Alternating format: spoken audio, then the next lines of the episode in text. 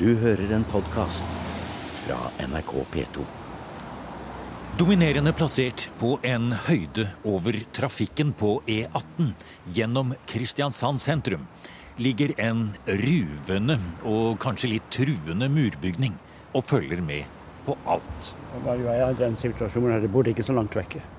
Jeg bodde rett på, rett på andre sida av jernbanelinja, så at, uh, vi kunne nesten stå hjemme og se opp til dette huset. Ja, vi kunne gjøre det. Å ja. Ja, ja. De var redde for dette her. her. Det var, og det å komme på arkivet, det var forbundet med frykt.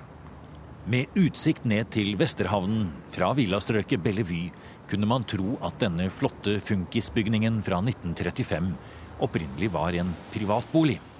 Men det er langt fra tilfellet. Først var det Statsarkivet som flyttet inn. Men så kom krigen, og etter hvert også tyskernes hemmelige statspoliti. Arkivet ble Gestapos hovedkvarter på Sørlandet. Det var enda mer dominerende før, fordi ja. vi hadde ikke dette veisystemet her. Så det lå der på haugen. Og du så utover, og du så rett til jernbanestasjonen, og rett til kaia, og rett overalt. Og Det var jo også derfor at tyskerne tok dette veldig tidlig. Ja, det var ikke tilfeldig, og dette kjenner vi jo igjen fra mange andre norske byer. Eh, Byer også i Danmark og i andre okkuperte områder. At de valgte seg symbolske, flotte bygninger som lå sånn til, som en stadig påminnelse om at Gestapo ser deg. Og nå er det Thomas Hagen, nå er det en påminnelse om noe helt annet. Her eh, står vi nå da ved en eh, minnebauta over sørlendinger som falt. De som døde i fangenskap og aldri kom tilbake. Eh, Og her er det da en minneplakett ser, ja. med 162 navn. Det er altså da, som det står her, til minne om de som døde i fangenskap fra Aust- og Vest-Agder fylke under krigen da, i 40-45. Og her står alle navnene nedover. Ja. Og så ligger det steiner rundt her med Froland, Åmli, Vennesla, Søgne, Arendal, står det. ja og på min tavle så er det ikke bare krigsfanger, men også de som ble henretta Ja. Her nedefra. Det ble jo seks stykker av den motstandsbevegelsen, ledelsen, som ble henrettet på Trandum. Sånn at Det som skjedde for ti, for ikke å si elleve år siden her, var jo at arkivet ble etablert som et sånt regionalt senter. En minnemarkør eh, for ofrene for eh, nazismen eh, som var fra Agder. Og visjonen var den at dette aldri må skje igjen. Dette må aldri komme tilbake. Eh, vi kan tilgi, men vi må aldri glemme.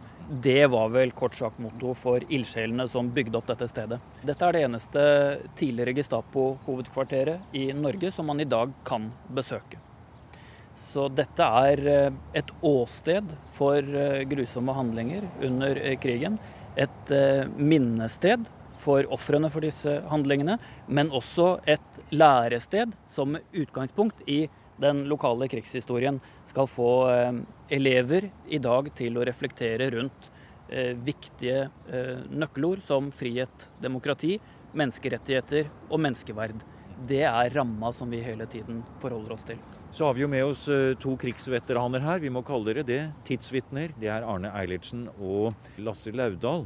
Og dere har jo en helt spesiell grunn til å være her. For det var jo faktisk sånn at dere har blitt ført inn i dette bygget av Gestapo.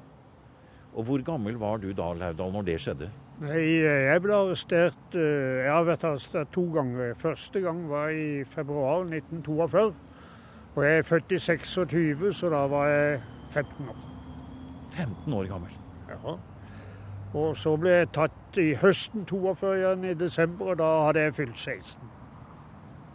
Jeg må jo bare spørre hvordan det var å bli ført inn her. Var det om natten, var det på dagen, var det med mange vakter? Hvordan, hvilke tanker hadde du? Nei, altså det, Egentlig så var han jo veldig skremt. En, eh, en var redd for arkivet i dette her. eh, I det miljøet som vi var, var vi redde for arkivet. Og arkivet hadde bare vonde ord på seg, og vonde følelser som fulgte med dette her. Det var et skrekkens hus, som det har fått navnet på siden den. Så vi var redde for dette her. Vi var mer eller mindre vettskremt når vi ble brakt inn her. Det må vi si. Og du hadde jo også en ganske fæl familiesituasjon å oppleve som hadde med krigen å gjøre, for din far var jo også med i motstandsbevegelsen? Ja, jeg ble arrestert sammen med han i desember 1942. Og eh, han kom jo aldri ut igjen, mens jeg ble sittende her til julaften 1942. Og da kastet de meg ut. Ja, Arne Eilertsen, du har jo også hatt den eh, triste opplevelsen at du har også blitt ført inn hit. Ja, det stemmer det. Eh, der var jeg 13 år. Nokså seint i krigen, i februar måned 1945. Hva hadde, hva hadde du gjort da som 13-åring som var så at, sånn at Gestapo måtte komme og hente deg? Eh, litt av historie. Det er jo de at eh, under krigen så mangla vi jo veldig mye. Og eh, jeg var jo i den situasjonen at jeg hadde en far som satt i konsentrasjonsleir i Tyskland. Vi var to, en eldre bror og meg. Og eh, det jeg ble tatt på og fikk to politiadvarsler om, det var tjuveri. Tjuveri skjedde fra tyske lager. Og hva gjorde vi stal mat. Og eh, så var det da på slutten av krigen det var vant hvor vi fant ei såkalt transitthule som ble brukt av, av, folk som måtte stikke av sted, som vi brant under beina på. Som eh, ikke var i bruk når vi fant henne. Men de hadde aldri funnet henne, men det var interessant. Så vi ble enige om å tie stille, og det eh, gjorde vi. Men allikevel kom det for dagen på en eller annen måte. Og da ble vi henta. Bakgrunnen for at vi ble tatt og ført opp igjen, det var fordi vi hadde unnlatt å melde fra når vi hadde funnet den. Så det var grunnen for dette. Og eh, når jeg var her på huset til de forhør, pyntelig former for så vidt ikke, noe, så var det dette at jeg måtte, som vi ble anklaga for. Men så var det samtidig da at jeg hadde disse to advarslene. Og så måtte vi oppgi foresattes navn, og da hadde de jo min far her fra før. Og som fars og sønn regnet de med. Jeg vet ikke hva de regnet med. Men iallfall så ble jeg trua med det. Men så hadde jeg da en skolelærer som var nokså oppegående, og som satte i gang og fikk kommunale, nazistiske kommunale myndigheter i Kristiansand til å forhandle med disse, og fikk meg ut dagen før de hadde snakka om at jeg skulle sendes til Bastøya eller Grini. Du var 13 år den gangen, Arne. Hvor gammel er du i dag, hvis jeg kan spørre om det? Jeg er 80. Ja. Og nå er du en aktiv del av de som er med og hjelper og formidler her, og du går ut og inn av arkivet på en helt annen måte i dag selvfølgelig enn det du gjorde den gangen. Og nå ser du på det som en meningsfull ting å gjøre. Ja, for all del. Det gjelder det både Lasse og meg, dette. Ja. At vi er med og driver med dette. Og vi er jo med helt fra begynnelsen. Ja. Helt fra vi begynte å rive og, Ja. og var med i bygginga på dugnad hele tida. Ja. Og har vært med i dette arbeidet på dugnad siden. Vi skal snakke mer om det. Vi skal gå inn og se litt. Og kanskje du, eh, Thomas Hagen, kan fortelle litt eh, om eh, det bygget vi nå går inn i, som var altså Gestapos hovedkvarter fra 1942 til 45, som det står på veggen her. Og som dere nå har drevet opp fra bare noen ytterst få ansatte til at i dag er en ganske stor virksomhet. Ja. Og det vi nå går inn i, det er et uh, tilbygg. Det som er adkomsten nå, er et uh, glasshus med trapp. eh, der man kan stige inn i de ulike etasjene og komme inn i eh, den eh, autentiske hovedbygningen. Nå går vi inn i, eh, i kjelleren. Nå går vi inn i Gestapo-kjelleren, ja. Her nede var det jo da i statsarkivtiden magasiner. Eh, og det fant Gestapo passet ganske godt til sine formål her under krigen. Og formålet det var Det var skjerpede forhør. Så her nede var det dels forhørsceller og også et torturkammer. Og det står her ennå. Det står her ennå og er husets eh, aller mest autentiske rom. Uten vinduer, tjukke vegger, eh, slik at eh, skrikene ikke kunne høres på utsiden. Vi har nå kommet inn i den utstillingen som står her, med, med både historiene om de tyske offiserene som eh, drev her, Eh, her står det navn. Heinrich Wilhelm Oskar Wilfyr, Friedrich Albert Lappe, Frans Simon Grohmann Ja, og Kerner, ja. Det er sjefen, Rudolf Kerner. Husker du han? Jeg, har, jeg, jeg var ikke i noen befatning med han, men jeg husker jo, jeg har jo sett han, men jeg var jo ikke i noen befatning med han. Og på den andre siden her, Hagen, så ligger det en del autentiske gjenstander. Fortell om hva vi ser her. Ja, Nå befinner vi oss i det, vi, det, rommet vi kaller korridoren. Og spørsmålet her er hva var det fangene ble utsatt for eh, da de ble brakt hit.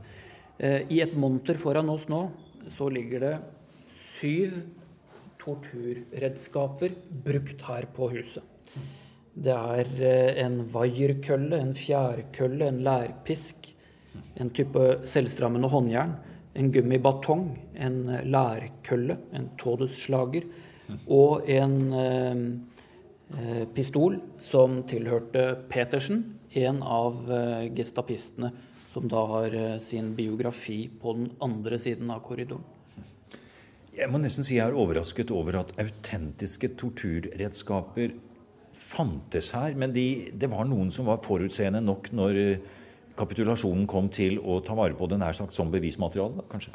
Men hver av disse gjenstandene har en veldig lang og kronglete historie. Ja. Og noen av de har ikke kommet uh, uh, hit før uh, nylig.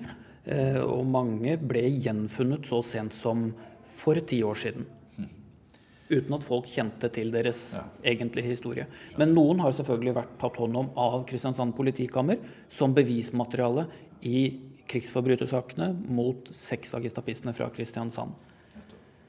Dere Lasse, som kom inn her som så unge gutter, 15 og 13 år, du var 15.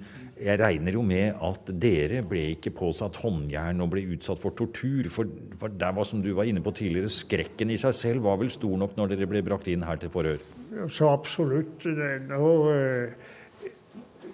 som med tortur så regner vi ikke en kinnhest eller et spark i, i baken eller noe sånt, for det fikk de aller fleste av oss. En ørefik og noe sånt, og det smalt ganske fort her nede. Men eh, jeg ble ikke torturert i det hele tatt i dette, på den måten. Men som sagt, litt juling fikk en. Satt du i en celle her, eller hva skjedde egentlig? Nei, jeg satt ikke i celle her. Jeg ble brakt hit en Siste gangen ble arrestert klokka tre om natten. Ble jeg brakt hit, og så ble vi stilt med nesen mot veggen oppe til det ble morgen. Og så ble vi kjørt ned til det lokale fengselet som da lå på Torvik Kristiansand. Det lokale kretsfengselet. Og så ble vi satt i celle der. Så du måtte stå oppreist helt fra du kom inn klokka tre om natten til på morgenen? Ja, en tre-fire timer tok det cirka dette. Og da sto man da med nesa mot veggen, og så var det en som gikk bak og kontrollerte det hele tiden. Og dette, og, men vi hadde ikke håndjern på oss, men vi måtte nå stå der hele tiden. Så det var en av disse måtene her. I det hele tatt så gikk jo alt sammen her egentlig ut på nedverdige det så mye som mulig, bryte det ned rent psykisk. Altså. Så det var Redselen var der hele tiden. Han ble jo aldri fortalt noe om hva som skulle hende i neste omgang. Alt kom jo som overraskelser hele tiden. Vi går videre innover i Gestapo-kjelleren under arkivet i Kristiansand. Sammen med oss er veteranene Arne Eilertsen og Lasse Lauvdal. I dag er de frivillige omvisere og medhjelpere i det formidlings- og forskningsarbeidet Stiftelsen Arkivet driver. Historiker Thomas Hagen viser oss eksempler på hvordan okkupasjonsmakten brukte utspekulerte torturteknikker, bl.a. stråling fra elektriske varmeovner, i sine skjerpede forhør, som det het. Det er en av de eh, seks-sju vanligste torturmetodene som vi har identifisert. Den var veldig mye brukt her på eh, arkivet. Eh, ofte da i kombinasjon med som her, at eh, fangene var eh, sammenbundet på hender og føtter. Eh, og det er klart at de ble utsatt for en pinsel her som må ha vært helt ulidelig. Det er jo stråleovner da som gjør at man blir Den grilla, ja. De kunne også bli festa opp mot radiatorer, varme radiatorer, som vi har som det vel også er dokumentasjon på. Ellers så syns vi at det er et uh, poeng at vi forteller ganske rått og usminka hva det var som faktisk hendte. Uh, det med ugjerningene som foregikk her i kjelleren, er jo utgangspunktet for det vi gjør. Uh, og da tror vi at det å fortelle hva det var som skjedde, hvem som sto for det, hvem som ble utsatt for det, eh, gir det beste grunnlaget for siden også å trekke noen eh, paralleller opp til vår tid. Jo mer generelt framstillingen blir, jo, jo mindre verdi tror vi at den har. For det er jo et spørsmål som man har når man kommer inn i denne type skrekkekabinett. Det er jo selvfølgelig hvorfor man tar vare på det i dag. Hva er det man egentlig ønsker å fortelle til sin samtid? Kanskje det hadde vært like greit å glemme alt, eller at vi vet at det var der. Men det å se det så fysisk og ta med skoleklasser ned her, stadig ha omvisninger her, det er jo selvfølgelig noe som dere har tenkt grundig gjennom hva som er formålet med det. Og, og, og hva er det? Mm. Eh, mange ser det kanskje som et tankekors, og eh, et langt svar på det er jo at avisene eh, etter frigjøringen i 1945 var fulle av en sånn type oppfordringer om at la oss nå ikke bruke for mye tid på å gå inn i detaljene om hva som har foregått her. La disse uhumskhetene så å si ligge der. Ikke bring de opp i lyset igjen.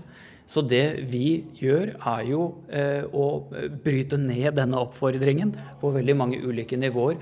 Og grunnen til det er at eh, dette morderiske eh, regimet eh, representerte et sivilisasjonssammenbrudd og en ideologi som vi oppfatter er kontrær i forhold til det samfunnet som vi ønsker å bygge på i dag. Og dermed kan man ikke lukke øynene for det eh, og velge å ikke ta det inn over seg. Eh, denne fortida den har direkte relevans for oss i dag. Og det hører vi helt konkret her nå, for vi hører der applaus, vi hører ungdommer bak her. Det kommer fra et annet rom her? Ja. Så er det da sånn at 7000 eh, mennesker hvert år, og halvparten av de eh, minst, er niendeklassinger fra Agder-fylkene. Som eh, da kommer hit for en omvisning i utstillingen. Og de går ut her borte, hører vi nå. Ja, ja Og en eh, påfølgende obligatorisk undervisningsøkt etterpå. Jeg må tenke på det, Lasse, når vi hører eh, Thomas Hagen her fortelle om eh, niendeklassinger. Altså, som vi så nettopp gikk ut her nå. De er vel sånn type 14-15 år, de. Du var 15 år, altså, når du opplevde at din far ble arrestert du ble brakt inn hit eh, i Gestapo-kjelleren under krigen, var altså 15 år. Hvilket, hvilken bevissthet hadde du da den gangen om si, Tenkte du sånn at nå er jeg en del av motstandsbevegelsen, eller, eller tenker man ikke på det da? Jo, det gjorde nok. Jeg var nok allerede da involvert litt i motstandsbevegelsen. Min far brukte meg til å gå med meldinger og beskjeder, altså en form for ordonnansvirksomhet, hvor jeg reiste. Jeg hadde jo da bevegelsesfrihet med en god sykkel og kunne bevege meg i ganske stor avstand fra Kristiansand uten noe fare. Så jeg var allerede da involvert i en del av motstandsbevegelsen. Så dette var ikke fremmed på noen måte. Du hadde på en måte klarhet i hvilket eh, standpunkt du nesten tok deg for. Altså, du, du, kunne kanskje jeg vet ikke, hatt det valget å flykte unna eller bli nøytral eller ikke gjøre noe, men på en eller annen måte var det et valg der som du følte du tok? Jeg syns ikke det var noe valg. Det kom helt av seg selv. Ja. Det var eh, egentlig bare en selvfølge at dette skulle man gjøre. Så har jo altså tiden gått så mange år som det nå er etter krigen. Du går nå og møter ungdommer på samme alder som du selv var når du ble brakt inn her. Eh, sier du det til dem, eller eh, snakker du med dem om det at du var på samme alder som de er nå? Eller, eller hvordan oppfatter du eh, de som kommer hit og er ungdommer, hvor, måten de reagerer på din historie? Ja, altså, Den måten de reagerer på, er veldig ålreit. Jeg syns ungdommen er veldig ålreite. Jeg syns de er fine. De er reflekterte, de spør, og de kan snakke. Og det syns jeg er ålreit. Tenker du da i den sammenhengen også på at den situasjonen Norge som nasjon er i nå Vi er jo i, deltar jo i krigsoperasjoner, det er krig i verden, for å si det sånn. Vi må ta standpunkt til slike ting. Diskuterer dere også samtidens politiske spørsmål og setter det inn i en sånn sammenheng når dere møter ungdommene? Det er jo det vi veldig gjerne vil at vi skal gjøre. Det vi vil gjøre her i kjelleren, det er i grunnen å legge grunnlaget for at man kan trekke paralleller frem til vår tid. Og at de skal være mer i stand til å skjønne det som skjer ute i verden i dag, når de tenker igjennom det som skjedde i den tiden, og hvilke konsekvenser det hadde. Det er jo liksom da ønskemålet med den undervisningen vi har her nede. Her kan man åpne opp en luke, kikke inn. For det er helt grotesk. tenker på Det Det er noen fæle lyder, Lasse, å høre disse dørene smelle igjen. Når det var virkelig store arrestasjonsbølger her, så kunne det være opptil 20 på en sånn celle. Og vi har hatt folk her nede som sier det at de syns disse cellene her er veldig illustrerende, og at vi i grunnen har truffet litt med det. Men det er én ting, sier de, som de ikke kan gjenskape, og det er lukta. Tenk på den lukta når det var 20 stykker som sto her nede og kunne være her nede i et par-tre dager, og det eneste de hadde å hjelpe seg med, var en pøs. Ja, det står en pøs, en dobøtte. Nå går vi inn her, og vi ser det står en eh, sånn sinkbøtte her. Her står det, Det er det eneste de hadde. Nå går vi forsiktig inn her. Se det trange rommet. Huff a meg. Sånn at dette er to rekonstruerte celler. Derimot torturkammeret, som vi nå går inn i, det er helt autentisk. Ja.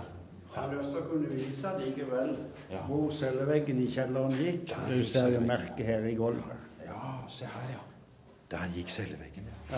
Ja. En av de tingene som vi jo har ønsket å eh, endre eh, og vektlegge sterkere i den nye utstillingen, eh, er jo eh, nettopp at det faktisk var eh, mange mennesker som valgte samarbeid med den tyske okkupasjonsmakten.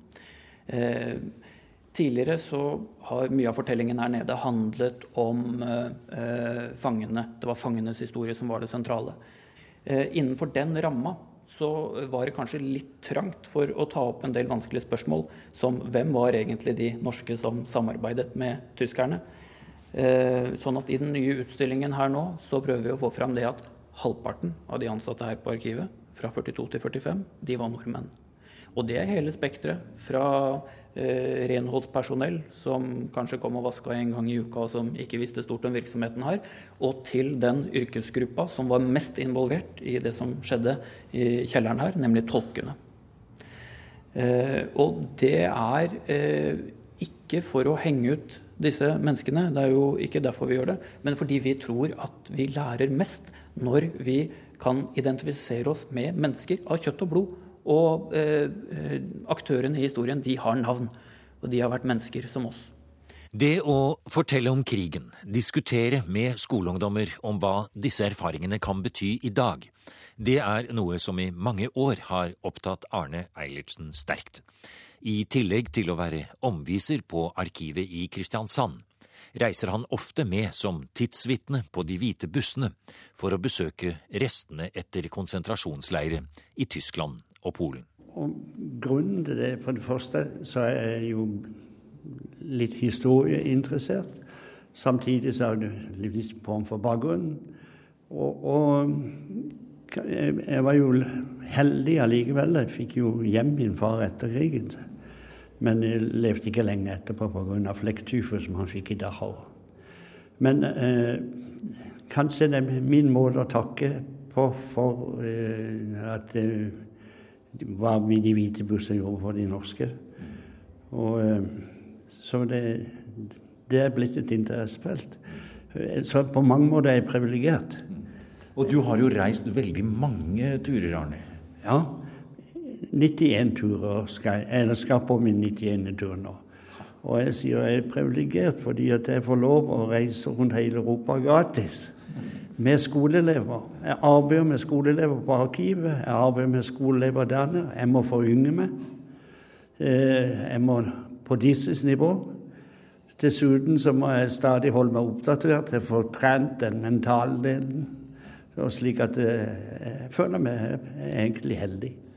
Nå skal vi la Lasse Laudal her få siste ordet. Du er 85 år gammel. Eh, du går også her, som Arne Eilertsen gjør, og snakker om opplevelsene fra krigen. Men du går også midt i vår egen samtid. Har vi bruk for å stadig komme tilbake til dette med krigen hele tiden, Lasse?